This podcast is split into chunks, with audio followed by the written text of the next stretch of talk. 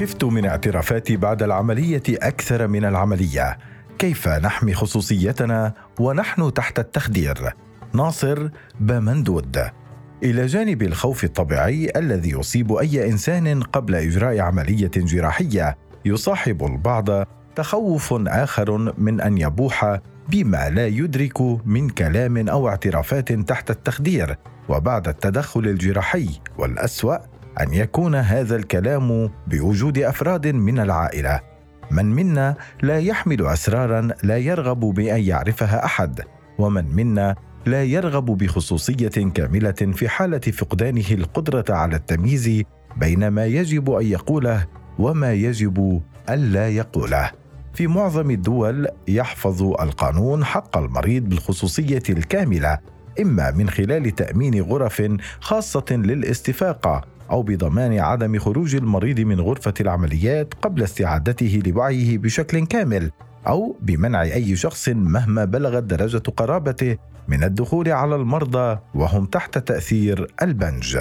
الأمر لا يقتصر على الجانب القانوني فأخلاقيات مهنة الطب تحتم على الأطباء الحفاظ على خصوصية المريض الكاملة سواء بعدم إفشاء تفاصيل مرضهم أو حالتهم الصحية أو بحماية المريض نفسه حين يفقد القدرة على حماية نفسه.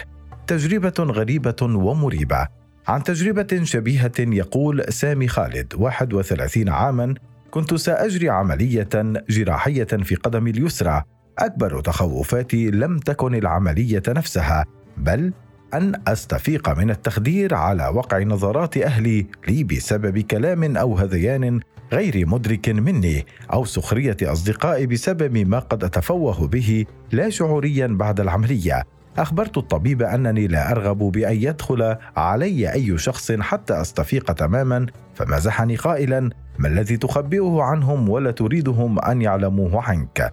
ويكمل بعد أن استفقت من العملية وقبل أن أسأل الطبيب عن نتيجتها سألته هل قلت شيئا طيلة فترة العملية؟ كانت تجربة غريبة ومريبة نوعا ما فما أصعب أن تقول ما لا تعيه. وتخوض لمدة من الزمن شعورا غامضا لا تعلم فيه ما الذي قلته ولمن أو عن من. كثيرا ما نسمع عن الكلام بعد التخدير. وعن اعترافات صحيحة أو متخيلة قالها أشخاص بعد الخروج من العملية حتى أن البعض صار يخاف مما قد يقوله بعد التدخل الجراحي أكثر من خوفه من العملية نفسها. يتنوع ما يقال ما بين الشتم والصراخ والغزل والهذيان غير المفهوم. الأمر الذي يسمح لأسئلة كثيرة بأن تخرج مع هكذا تخوف وتصبح مشروعة وضرورية. مثلا هل ما يقال في هذه الحالة هو بوح وكشف لما أخفي في الصدور أم مجرد هلوسات وهذيان لا تمت للواقع بصلة؟ هل يمر الجميع بهذه الحالة؟ وما دور الرعاية الطبية في حماية خصوصية المريض؟ لمعرفة الإجابة عن هذه التساؤلات وسواها سأل رصيف 22 أهل الطب والاختصاص. وفي هذا التقرير نتعرف على شرحهم العلمي لهذه الظاهرة وعن حقوق المريض في الخصوصية والحماية والرعاية. هل يعتبر الكلام تحت التخدير؟ حقيقيا يقول استشاري طب التخدير والعناية المركزة الدكتور محمد بحكيم لرصيف 22 إن الكلام الذي يقوله المريض بعد تخديره هو هلوسات غير حقيقية ولا يمكن إثبات صحته وهو كلام غير مرتبط وغير مرتب وما يثرثر به هو نتيجة مادة الكيتامين وتتميز عن المواد المخدرة الأخرى أنها الوحيدة التي لا تؤثر على تنفس المريض أو على ضغط الدم، لهذا هي آمنة في التخدير. وتستخدم بالدرجة الأولى في حالات الحوادث ومشاكل القلب وعمليات الأطفال، ويضيف: تسبب مادة الكيتامين بالإضافة إلى الهلوسات الكلامية والسمعية الكوابيس المزعجة. كان يرى المريض أثناء التخدير أنه يصعد مرتفعا شاهقا وهي مسحوق يتكون من هيدروكلوريد الكيتامين المرسب. يتم فحص نقائه من خلال التحليل بالأشعة تحت الحمراء FTIR والأشعة فوق البنفسجية UV حتى يصل إلى درجة التركيز المطلوبة ثم يعبأ في عبوات بلاستيكية ويخزن في درجة حرارة الغرفة عندها يصبح جاهزا للاستخدام كمهدئ ومخدر. أما الأخصائي عمر الحامدي والذي يعمل في مجال التخدير منذ 35 عاما في عدة دول بما فيها منصبه كمدير دائرة العمليات والتخدير والتعقيم في مستشفى أبن سينا العام فيقول أي كلام يقوله المريض بعد التخدير يعتبر طبيا بحكم الهذيان وكل الكتب العلمية تصنفه كهلوسات ولا تضعه كحقائق يجب التسليم بها ويتابع.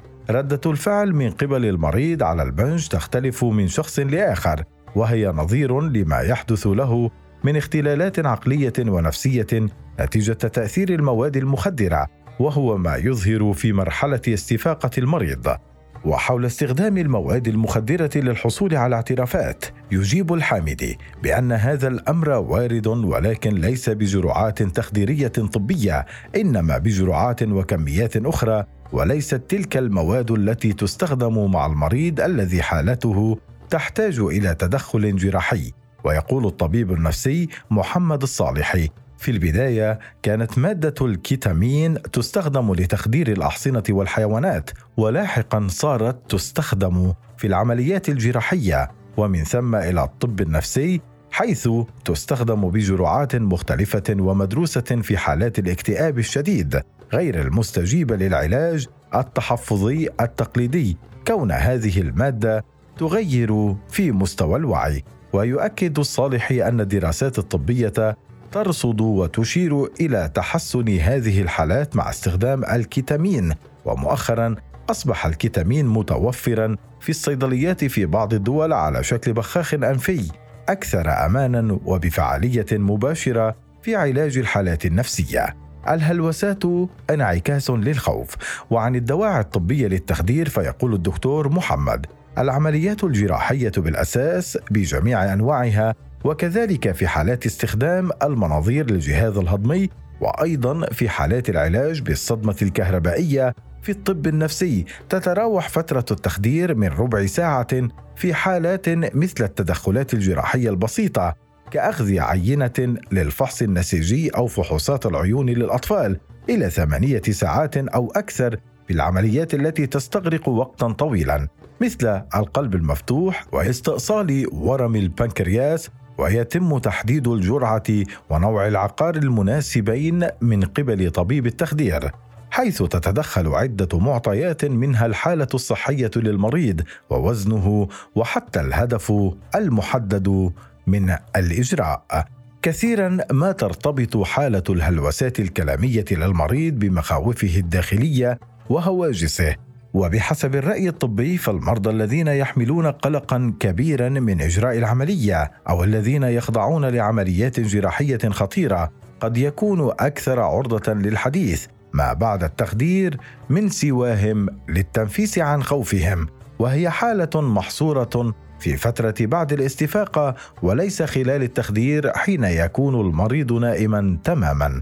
الجانب القانوني والأخلاق الطبية من الناحية القانونية فكل كلام ما بعد التخدير لا يؤخذ به كما أن معظم القوانين في العالم صارت تفرض على المستشفيات توفير غرف خاصة للاستفاقة بعد التخدير بحيث لا يتمكن أفراد عائلة المريض من التواجد معه في هذه المرحلة الحساسة بعد العملية. لكن وعلى الرغم من أن القانون والطب قد حسما رأيهما بأن الكلام بعد التخدير لا يؤخذ به إلا أن أفراد العائلة قد يكون لهم رأي آخر فيتعاملون مع الهذيان على أنه اعترافات وحقائق. الأمر الذي قد يؤدي إلى مشاكل اجتماعية وأسرية بسهولة أو لتعرض المريض للسخرية وهو في حالة صحية صعبة. يقول بحكيم أهم خطوة قانونية هي فرض وزارة الصحة العامة والسكان اليمنية قانونا إلزاميا بوجود غرفة إفاقة في كل غرفة عمليات. أما الحامدي فيشدد على ضرورة التزام المستشفيات بعدم جواز تواجد أي شخص مهما بلغت درجة قرابته للمريض خلال مرحلة الاستفاقة. ومهما كانت الظروف لحرمة هذا المكان وهذه المرحلة يقول أتعامل مع كلام المريض بخصوصية تامة ويكون تركيزي منصبا على عملي وإتمام المهمة على أكمل وجه. القانون الذاتي والأخلاقي في هذا المجال هو سر المهنة يقول باحكيم في حالة استماع أحد أفراد العائلة إلى كلام المريض بعد إجراء العملية الجراحية له وهو لا يزال تحت تأثير البنج فإننا نخبر الأهل ونشعرهم بأن ما قاله غير صحيح وأنها مجرد هلوسات تحت تأثير المادة المخدرة ولا يمكن التصديق عليها كحقائق. لذا تنصح المواقع الطبية المتخصصة أولئك الذين يحملون هواجسا أو تخوفات من أن يبوحوا بما لا يرغبون به تحت التخدير أن يطلبوا هذا الأمر بشكل واضح من الطبيب وطاقم التمريض قبل العملية الجراحية. وحتى في بلاد يحسم فيها القانون الحق في الخصوصية لأن جمع خوفين معا الخوف من العملية والخوف من الهلوسات يزيد في توتر المرضى قبل العملية الجراحية وقد يكون له تأثيرات سلبية على فترة النقاهة أو ما قبلها.